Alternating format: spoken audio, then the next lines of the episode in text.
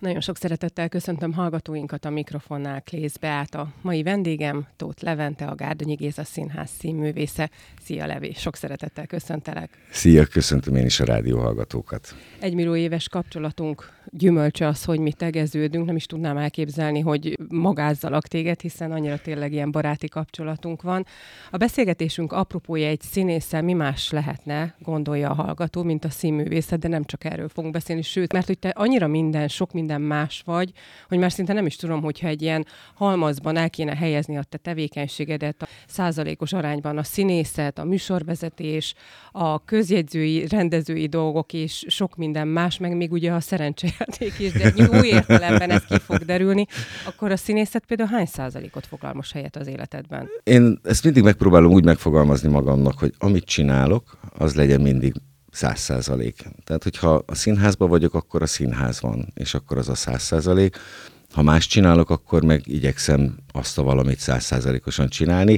Nem mindig könnyű, de hát vannak nyugalmasabb, vannak zaklatottabb időszakok. Most egy kicsit zaklatottabb időszak van, de majd ez is lecseng, és akkor egy kicsit majd nyugodtabb lesz.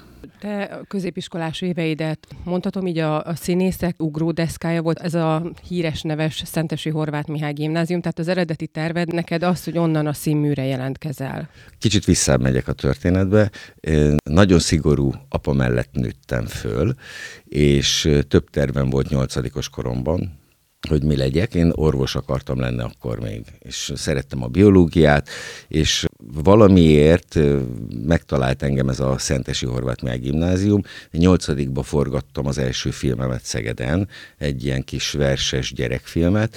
Akkor rájöttem, hogy színésznek az megy, aki nem szeret dolgozni, és ez így tök vonzott ez a dolog. És ez a Szentesi Horváth Mihály Gimnázium irodalmi drámai osztálya, ez nulladik körbe indult, akkor ugye más rendszer volt még a középiskoláknál, és én beadtam Szegeden a gimnáziumba fakultatív biológiára a jelentkezésemet, de elmentem felvételizni nulladik körbe, mondván, hogy az apai szigor alól akkor ki tudok kerülni, hiszen kollégiumba mehetek. Tehát nem volt akkor még ilyen nagyon határozott célja az életemnek az, hogy színészet, és fölvettek aztán Szegeden a Radnótiba is, meg fölvettek Szentesre is, és akkor apám számomra is meglepő módon azt mondta, hogy akkor válasszak, és én nyilván azt választottam, hogy elkerüljek otthonról a, a lazább életet is megtapasztalni, és akkor elmentem Szentesre, és akkor kezdett el fogalmazódni bennem, hogy ez az, ami tényleg ilyen tök jó dolog lehet az életemben. Voltak akkor utána gondolom színműs próbálkozások? Volt persze nagyon sok minden, de érdekes volt, mert azt sem nagyon erőltettem. Tehát, hogy eh, sok minden mást elkezdtem csinálni. Az a 90-es évek, ugye ezt szoktuk volt mondani, mi, akik már egy kicsit akkor már érett fejjel éltük meg azt a korszakot, és akkor mindenben én vállalkoztam, én politikai menedzser képzőt végeztem, szociális munka, ez a mindent kipróbáltam. De aztán végül mégiscsak ez a színészet volt az, amire azt mondtam, hogy hát tényleg ez az, ami elkísérheti az életemet, és akkor én a Teátrum Színi Akadémiára felvételiztem, ott olyan tanárok tanítottak minket, akik egyébként a főiskolán is tanítottak, és utána jöttem én 98-ban Egerbe. Meg időközben lett neked egy diplomád a Gödöllői így van. Még nem tudom, mi volt a hivatal. Hát a Szent István Egyetem, Gödöllői Szent István Egyetem volt, igen, ott humán erőforrás menedzser diplomát szereztem. Ennek is persze nyilván köntörténete van, az én szüleim egyetemen tanítottak, a Miskolci Egyetemen, közgazdász professzorok mind a kettő, az édesapám volt. Jogra akartam felnőtt fejjel, már nem az orvosi dolog érdekelt, hanem a jog de a Miskolci Egyetemre nem mentem el, mert a szüleim árnyékában nem akartam én ott különcködni. És akkor én föllapoztam a felvételi tájékoztatót, hogy melyik lehet az az egyetem, ahol talán nem ismerik őket, és akkor így gödöllő, hát humán erőfaj, hát humán, akkor az biztos jó, és akkor elmentem felvételizni, és fölvettek, úgyhogy muszáj volt elvégezni. És akkor ide sodort az utad Egerbe és az Egri Színházban, vagy így azóta van. is hosszú-hosszú évek óta. Így van. És tényleg csak röviden, mert színészként tényleg én azt gondolom, hogy minden színházba járó ismert téged itt Egerben. Mi az, ami neked mondjuk itt az elmúlt évek, évtizedek alatt a színészetben kikristályosodott az egésszel kapcsolatban, mert hogy valóban azt csinálod te most, amit mondjuk szentesen megtanultál, vagy elképzeltél erről a szakmáról? Ez nagyon érdekes felvetés egyébként, mert hogy Szentes annak idén a 80-as években abban a rendszerben egy teljesen más arcát mutatta, és én lehet, hogy talán egy kicsit ezért rosszabbul éreztem magam. Engem nagyon szigorúan fogtak otthon, és nem rossz értelemben mondom, ez volt a szokás, és nekem nagyon furcsa volt szentesen az a fajta élet, amit a drámaisok éltek. Ez egy nagyon szabad, nagyon, nagyon baráti, párbeszédre alapuló, elfogadásra alapuló dolog volt, és mondom, ez nagyon furcsa volt a 80-as évek közepén. Lehet, hogy egy kicsit ezért éreztem magam furcsán ott magam néha-néha, ugyanakkor nagyon szerettem, és ez egy ilyen érdekes kapocsa az országban, hogyha valahol valaki találkozik a másikkal is, Szentesi Horváth meg gimnázium, még akkor is, ha nem ismerték egymást, akkor ez már egy ilyen nagyon fontos közös pont. És utána, amikor én kikerültem a nagy életbe, akkor megint csak nem tudtam azzal mit kezdeni, amit én tanultam szentesen. És nyilván, amikor az ember bekerül a színházba, akkor először abból próbál táplálkozni, amit ott tanultunk, akár színházról, akár gondolkodásról. És én azt gondolom, hogy talán manapság már kevésbé, de mondjuk 15 évvel ezelőtt igen, abszolút érvényes volt minden, amit ott tanultunk a, a gimnáziumban, a színházról, meg erről az egész közegről, ahogy ennek kell működni kell. Nyilván azóta változott sok minden, folyamatosan változik sok minden, valószínű már máshogy tanítanak ott is, vagy másfajta kiegészítő gondolatokkal bocsátják útjára a gyerekeket, de most azért egy kicsit már talán érvényét veszítheti az, amit akkor tanultunk 30 akárhány éve. És itt a Gárdonyi Géza színházban milyen szerepek találtak meg a legelején, amikor még tényleg ifjonti hévvel került? Fú, hát nagyon érdekes volt. Ez is a, a színházi világnak a változása. Annak idején fiatalként, és ugye más rendszer volt, mert stúdió volt még itt a színházban, oktatás volt, színészoktatás, és nagyon sok fiatal volt, tehát a más közeg volt, és gyakorlatilag, nem tudom én, 5-6 bemutatónk volt egy évben. És nyilván, mint minden fiatal, úgy indul neki a pályának, hogy ide nekem az oroszlánt és az összes főszerepet. Mondjuk én például Rómeóra nem vágytam, mert tudtam magamról, hogy alkatilag én erre nem vagyok alkalmas, de nagyon sok mindenre vágytam. És el kellett telnie hát egy jó tíz évnek, amikor rájön az ember arra, hogy, hogy ez nem úgy működik, hogy én mindent is el tudok játszani, vannak szerepek, vagy szerepkörök, vagy karakterek, amik nekem jól állnak, és ez nem probléma, csak ezt a színésznek föl kell dolgozni. Minél előbb földolgozza, annál nyugodtabb lesz idézőjelben a pályája, és nekem szerintem itt a szívinfarktusom körüli időszak volt az, amikor rájöttem arra, hogy nem az a cél, hogy mindig minden főszerepet játszunk, arra megvannak külön a karakterek, karakterek. Legyen az, hogy akkor legyünk karakterszínészek, az ugyanolyan szép, ugyanolyan jó, sőt, lehet, hogy még néha jobb is, mint hogyha az ember csak főszerepet játszik. Nem hoztam volna fel a szívinfarktust, ami ráadásul kettő volt, igen. és a 40-es éveid előtt. Tehát Hú, igen, 2008-ban volt, tehát 36 éves voltam, igen, igen. Szerinted itt ebben szerepet játszhatott az a fajta megfelelési kényszer, görcsösség, stressz? Ami... Biztos, biztos, igen. Hát akkor, amikor nagyon ragaszkodni akar az ember valamihez, és mondom, mindenkinek el kell jutni ideig, de is nem csak ebben a szakmában, szerintem mindenhol. Hogy vannak akár a sportban kivételes tehetségek, vannak azok, akik viszik a hátukon az egész történetet, de ugye a háttérben vannak, és vannak olyanok, akiknek nagyon fontos, de epizód szerep jut bizonyos történetbe az életnek bárhol. Tehát, hogy itt nem feltétlenül csak a színházról beszélek, és ha ezt el tudjuk fogadni, akkor szerintem sokkal jobb lesz nekünk is, meg az életünk is jobb lesz, és sokkal jobban tudunk dolgozni is, mert hogy nem állandóan az a görcs van bennünk, hogy hú, de miért nem én csinálom, és akkor ezek ugye a féltékenységek, az irítségek, azok úgy elvesznek egy idő után a szótában, és ha ezt megtanuljuk, akkor szerintem, szerintem sokkal könnyebb az életünk. A szakmai nagy megvilágosodáson túl az élethez, vagy a te emberi mi voltodhoz, mit tett még hozzá ez a halálból visszatérő út? Nem Sok voltak minden... ilyen világmegváltó gondolataid? Alapvetően nem tehát nem ijedtél meg nem, nagyon, hogy Nem, nagyon furcsa csinálni. volt ez a dolog, mert én nem, nem gondoltam azt, hogy mikor vitt a mentő Miskolcra, hogy orbitális nagy baj lehet. Senki nem ugrált körülöttem, tehát nem az volt, hogy hűha-hűha. Mindjárt vittek a műtőbe, kaptam értágítást, olyan sztenteket kaptam, egy hét múlva hazajöttem, még rehabilitációra se küldtek el. Nyilván elgondolkozik az ember, hogy jó-e így nem titok, én dohányzom. És akkor mindig mondtam, hogy van a dohányzás, és akkor nekem volt egy nagyon kardiológusom, aki azt mondta, hogy azért a stressz az valószínűleg sokkal nagyobb faktor ebben és az ember nem is gondolja néha, hogy stresszel valamin, mert nem érik olyan hatások, de a belső feszültség, meg a belső stressz, az állandó vívódás, az igenis okozhat ilyen gondot, és akkor, akkor azt tanulja meg az ember, hogy nemet kell mondani bizonyos dolgokra, és ha becsukódik egy ajtó, akkor utána kinyílik egy másik, vagy kettő másik, és nem mindig ugyanazzal a kulcsal kell kinyitogatni az ajtókat, mert nem biztos, hogy jó lesz. Találni fogunk másik kulcsokat, csak türelmesnek kell lenni, és nem szabad rágörcsölni, Ezt viszont bebizonyította nekem az elmúlt tizen akárhány év, hogy ez tényleg így működik. Mert hogy ahogy én itt a felvezetőmben is elmondtam, ugye tulajdonképpen ennyi volt szerintem, amit a színészetről Igen. szerettem volna megtudni, és ezen kívül annyi minden mással foglalkozol. Illetve talán még egy gondolat mindenképp legyen az, hogy ugye régóta foglalkozol te rendezéssel, de nem színházban, hanem civil szakmát űző embereket rendezelte Budapesten. Így van, így van. Igen. színkör van, vagy egész... Ez a közszike, ez a közjegyzők színjátszóköre, igen, igen, igen, igen. Milyen civil foglalkozást űző, ráadásul senkit meg nem bántva azért a jogászok, ők azért egy nem kockábbak félreértés verseny, de azért ők végig tanulták azt a szakmát, tehát Igen. ők nem a szórakoztatóipar. Érdekes volt, mert hogy ez is egy kicsit visszautal, ugye az egyik ajtó és a másik ajtó nyílik, tehát ez pont az a korszakom volt, ez már az infarktusom utáni korszakom volt, és majd úgyis beszélgetni fogunk arról, csak itt sok minden összekapcsolódott, még én eljutottam a közjegyzőkhöz, és ahogy eljutottam hozzájuk.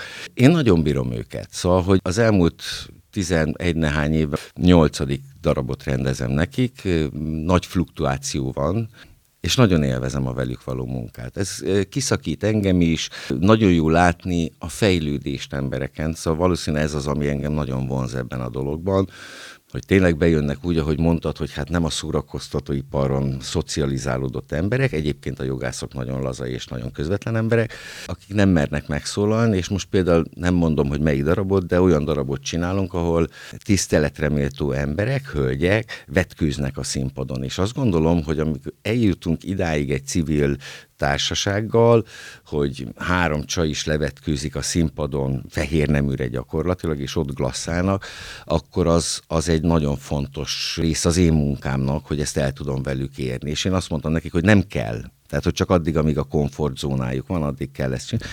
És aztán csak eljutottunk odáig, hogy maguktól elkezdték ezt a dolgot. Ezek a jó dolgok szerintem az amatőröknél. Látni azt, hogy emberek hogy lépik át a saját határukat hogyha már a szórakoztatóipar szó mindkettőnk szájból elhangzott, akkor nem állom meg, hogy ne beszélgessünk arról, amit viszont valószínűleg kevesen tudnak, bár nem tudom, hogy te sok kereskedelmi csatornán futott, vagy jelenleg futó játékban szerepeltél, nem is akárhogy. Az egy dolog, hogy a színész az bátor, kamera ilyenek nem zavarja, de azért mondjuk játékban nem mindenki jelentkezik, és most akkor kicsit fényezlek, hát nyilván az intelligencia is kellám hozzá. Fú, az első, az, de talán, mert most nem fut egyik kereskedelmi adós, ez az áll az alkú volt, de sokan úgy emlékeznek hogy ez a táskás játék volt. Ez 2006-ban ment, és én akkor készültem a diplomamunkámra az egyetemen, valamiért úgy gondoltam, hogy ezt nekem ki kell próbálni. Nem volt semmi különleges oka ennek a dolognak.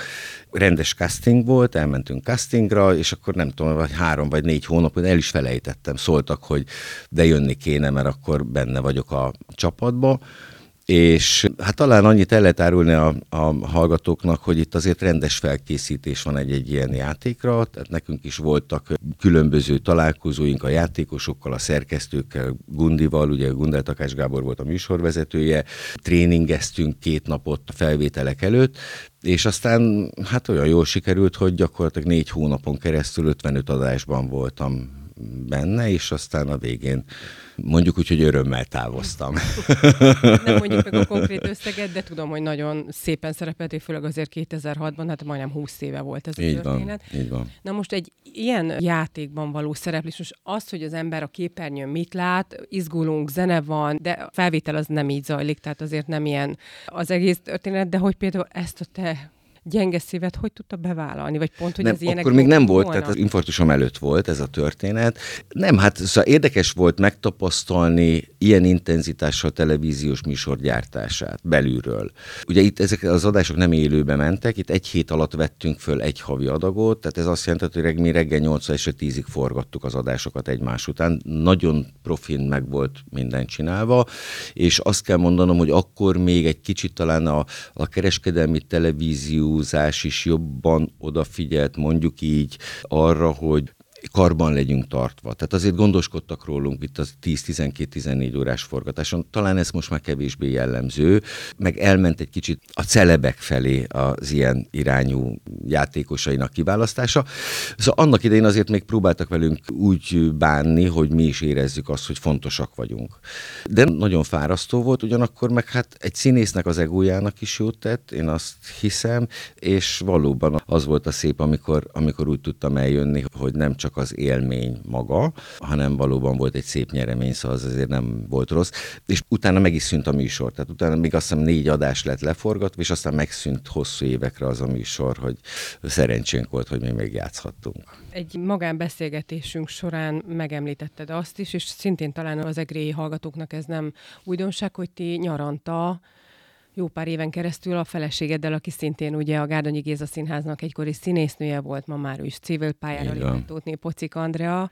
Duetteket játszotok, különböző előadásokat, és a belépő mindig egy mosoly, de hát Igen. hát nyilvánvalóan ezeknek az előadásoknak is az anyagi feltételét valamilyen módon meg kell teremteni, és ahogy említetted, és remélem nem baj, hogy megosztom a hallgatókkal, hogy például egy ilyen szponzorálás, a saját szponzorálásotokra is egy játékra belevágtatok. Igen, ez, hát nem is tudom, ez is vagy négy éve volt, ugye volt egy másik játék, ahova viszont ketten jelentkeztünk. Közben voltam a Párbaj című játékban, Vágópista volt még a műsorvezetője, ott például nem nyertem semmit. Aztán utána voltam az Egy perc is nyert című játékba.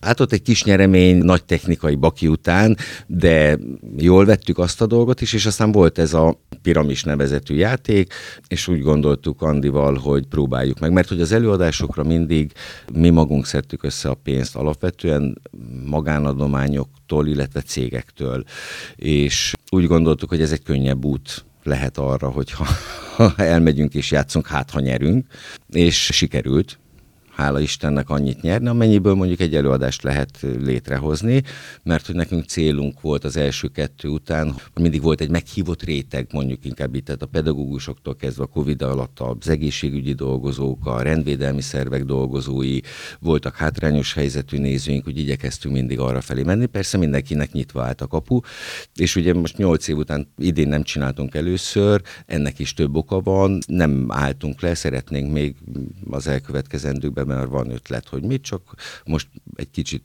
pihenőt tartottunk, mondjuk így de igen, hogy ott, ott is céllal mentünk. Megmondom őszintén, annyira nem követem most, hogy milyen játék van, tehát hogy így ezt bármeddig tudnád csinálni, hogy jelentkezelés, ilyen-olyan feltételek vannak, hol a tudás, hol az ügyesség számít. Én megmondom őszintén, ahogy öregszik az ember, egyre kényelmesebb ebben a dologban. És egyrészt nincs, tehát hogy nincs olyan játék. Engem nem vonzanak, vagy nem nagyon érdekelne azok a játékok, ezek az utazós játékok, meg túlélő játékok, meg ezek kevésbé nem tetszenek, de biztos, hogyha lenne valami olyan játék, ami fölkelti az érdeklődésemet, akkor biztos, hogy még mennék 80 évesen is. De ahogy az utazós játék nem kelti fel az érdeklődésedet, az utazás a családdal, ja, igen, vagy a igen, kedveseddel igen, igen. bármikor. Mikor lettetek ti ilyen nagy utazók? Mert hogy mivel mi régóta ismerjük egymást, tudom rólatok, hogy ti is nagy utazók vagytok, de ez mindig is így volt, vagy az utóbbi pár év hozadék? Ö, azt hiszem, hogy 2016-ban voltunk úgy először, hogy ugye az internet bugyrai, ahogy szélesednek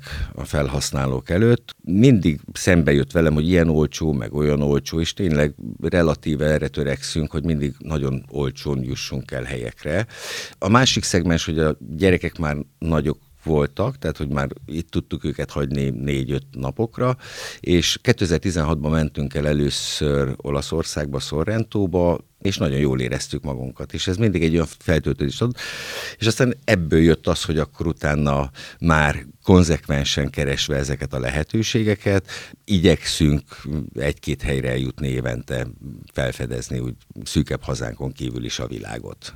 Visszatérve még a sokrétű tevékenységedre, tehát jelen pillanatban színész vagy, Igen. rendezője vagy ugye a színjátszó körének, műsorvezető vagy. Igen. Konferencié is vagy Igen. nagyon sokszor. Igen. Mit hagytam ki? Hú, nem tudom, igazából. Hát a rádióban dolgozom még ugye a Szent István rádióban, amikor, amikor kedvem, irodalmakat olvasok, azt nagyon szeretem. Van egy kulturális alapítvány nevű dolog, ez egy városi alapítvány, amivel most bevallom őszintén férfiasan kicsit küzdködünk, mert úgy nem találjuk az útját ennek a dolognak, de majd ez is kifényesedik. És szerintem úgy igazából úgy ennyi, hát keresem mindig azért a lehetőségeket, vagy az ajtókat, és keresem hozzá a kulcsokat, de én tényleg abban szerencsés helyzetben vagyok, hogy legalábbis az utóbbi évtizedben, hogy úgy megtalálnak azok a dolgok, amiket én szeretek csinálni, és nem kell görcsölnöm azon, hogy, hogy most akkor hűha jön, vagy nem jön a dolog. A televíziózás is így volt egyébként, hogy a Covid alatt csináltunk ugye a feleségemmel, meg a gyerekemmel otthon mindenféle hülye videókat, és a... Nem hülye videók voltak. Szerintem, akik követőitek, illetve ismerősök a Facebookon, mint ahogy én is, nagyon édesek voltak, és annyira feldobták a napot, még az is, amikor csapkodtátok egymást? Igen, olyan is volt, igen. Hát, hogy igen. De szeretetből, tehát semmi agresszió. Én azt, azt mondtam otthon, hogy ha már itthon vagyunk, és tudunk egy-két vidám percet szerezni másoknak, akkor ezt miért ne tegyük meg? Tehát innen indult de a, maga ez az egész videózás abból indult ki, hogy ezt az alkalmazást azért töltöttem le, hogy megnézem, hogy a gyerekem mit tölt le. És aztán annyira megtetszett nekünk, hogy elkezdtünk bohóckodni. Szóval, hogy ebből jött, és aztán ugye ezzel kapcsolatban, ugye egyszer veled is beszélgettünk, még akkor a Covid alatt, és a tévébe is behívtak beszélgetni. Én csodálkoztam azon, hogy miért érdekes ez, és ugye akkor lett új ügyvezetője a TV Egernek, egy új műsor struktúrát alakított ki, és egyszer este 8 órakor jött egy SMS az akkor ügyvezetőtől, hogy szeretne meghívni engem egy kávéra nyilván okkal. És akkor ezt így megmutattam a feleségemnek, ő fölhúzta a szemet, hogy ki az, aki este nyolckor kávézni, és bementem Andihoz, ő elmondta, hogy lenne ez a műsor, és hogy szeretné, hogyha én műsorvezetője lennék. Mondtam, hogy én ilyet még nem csináltam, de próbáljuk ki egymást. Ez volt nem tudom én kedden, és azt mondta, jó, akkor csütörtökön élőadás a plázába. Bedobtak a mélyvízbe. Igen, és akkor utána megmondták, hogy akkor ez így működik. Három és fél éve szeretem, imádom, remek, szuper csapat van, nagyon szeretek velük dolgozni, de én mindig hangsúlyozom, tehát én műsorvezető, én nem vagyok televíziós, tehát én nem szerkeztek, én ehhez ehhez hülye vagyok. Én be tudok ülni és tudok beszélgetni talán az emberekkel, és akkor ez, tehát nem akarok én abba tetszelegni, hogy én televíziós vagyok, én műsorvezető vagyok a Mi Történetünk című magazin műsorban. Az, hogy te színész vagy, ez a műsorvezetéshez szerinted egy ilyen evidencia lendületet ad?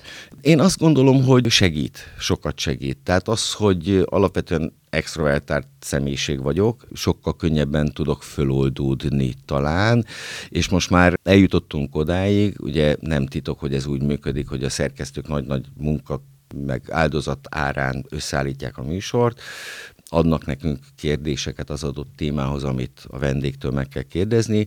Én most már talán így három és fél év után eljutottam odáig, hogy azt egyfajta itinerként tudom használni, de alapvetően a saját gondolataimból, meg kútfőből tudok beszélgetni a vendégekkel. Igyekszem fölkészülni azért én is, tehát tudom előre, hogy kikkel kell beszélgetni, és milyen témáról, akkor azért igyekszem előtte én is utána olvasni, hogy ne kukán üljek be mondjuk egy fizika tanár beszélgetéséhez.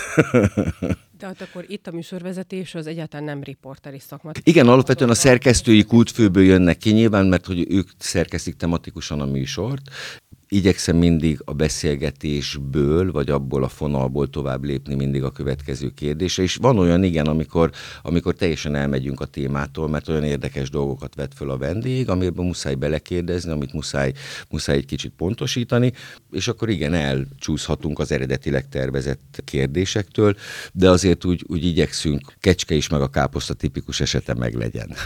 És hogyha ennyi mindenben benne voltál, benne vagy, van olyan dolog most így az ötödik X-en túl, de fiatalos lendülettel az életedben, amit például nagyon szívesen kipróbálnál, és amit vidéki város adta lehetőségeken belül van, de nyilván akár Pestig is elmenni? Én megmondom őszintén, hogy ezt nem mondom, hogy soha nincsenek, de nincsenek már olyan vágyok az életemben, amikhez én nagyon ragaszkodnék. Pontosan a, talán abból kiindul, vagy nem szeretek görcsösen ragaszkodni dolgokhoz. Én színészként is egyébként az a fajta színész vagyok, aki jobb szereti, ha megmondja a rendező, hogy mit akar látni, mint hogy én a saját kútfőmből elkezdjek dolgozni. Van, különbözőek vagyunk színészként is.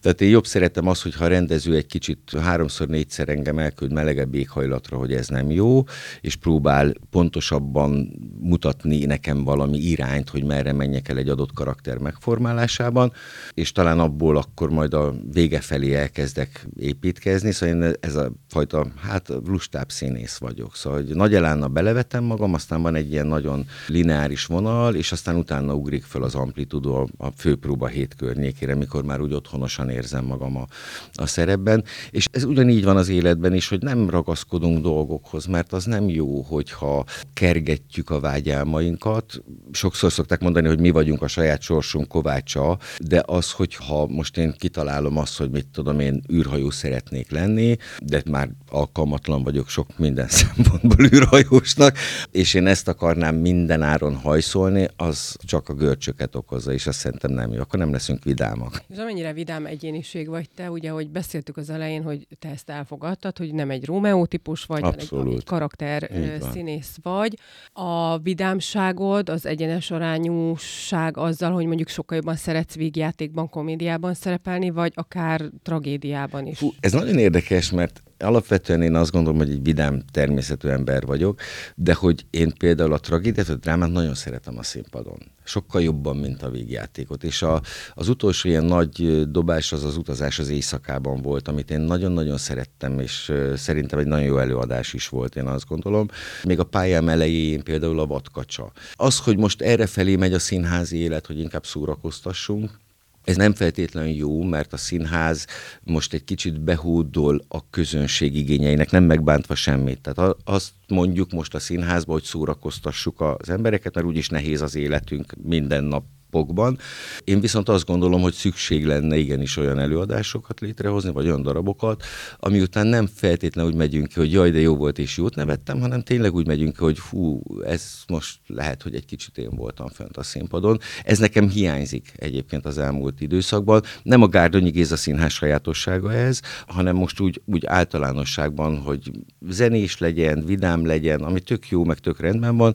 A Sirály például tavaly az próbált egy kicsit erre felé gondolkodtatni. Meg a fizikusok még a fizikusok még egy évvel korábban. Igen, csak az is egy kicsit ilyen vigyátéki elemekre épülő előadás lett végül. Uh-huh. Olyan szintű drámákat, tragédiákat játszani, mint utoljára volt az utazás az éjszakában például. Ezek kicsit hiányoznak az én életemből, de majd ez is eljön. Kipróbálnál szívesen valamit? Még? Nem. Én De már... nem az űrhajózást, hanem ami mondjuk tényleg megvalósítható. Én tényleg ilyen intuitív csávó vagyok. Tehát, hogyha reggel fölkelek, és úgy gondolom, hogy valami bekattant, és az, az jó lehet, akkor az, azután elkezdek hajtani. A gyerekeimnek legyen jó. A kisebbik is, most éppen mondtam neked, hogy kicsit reket vagyok, mert tegnap üvöltöztem a kézilabda meccsén. Nekem ezek a nagy örömök most már, hogy látom, hogy 18 éves elmúlt ő is, ott van, azt csinálja, amit szeret, küszködik, nyilván nem egyszerű az élsportolók élete, ugye ő Vácon van, elköltözött itthonról, de szülőként nem tudom, szóval most már abban a korban vagyunk, de te is tudod, amikor az a legnagyobb öröm, amikor azt látod, hogy ők boldogok, és hogy, hogyha ez egy vágyálom, hogy ő boldog legyen, akkor igenis ezért mindent meg is fogok tenni. Mit kívánhatnék egy ilyen sokoldalú színészembernek, mint hogy maradj mindig ilyen vidám, ilyen pozitív, ezt a nem görcsölünk életszemléletedet megtartani, mert ez az út a jó egészséghez, azt gondolom. Tóth Levente, köszönöm szépen. Én is nagyon szépen köszönöm. Kedves hallgatóink, Klész Beátát hallották.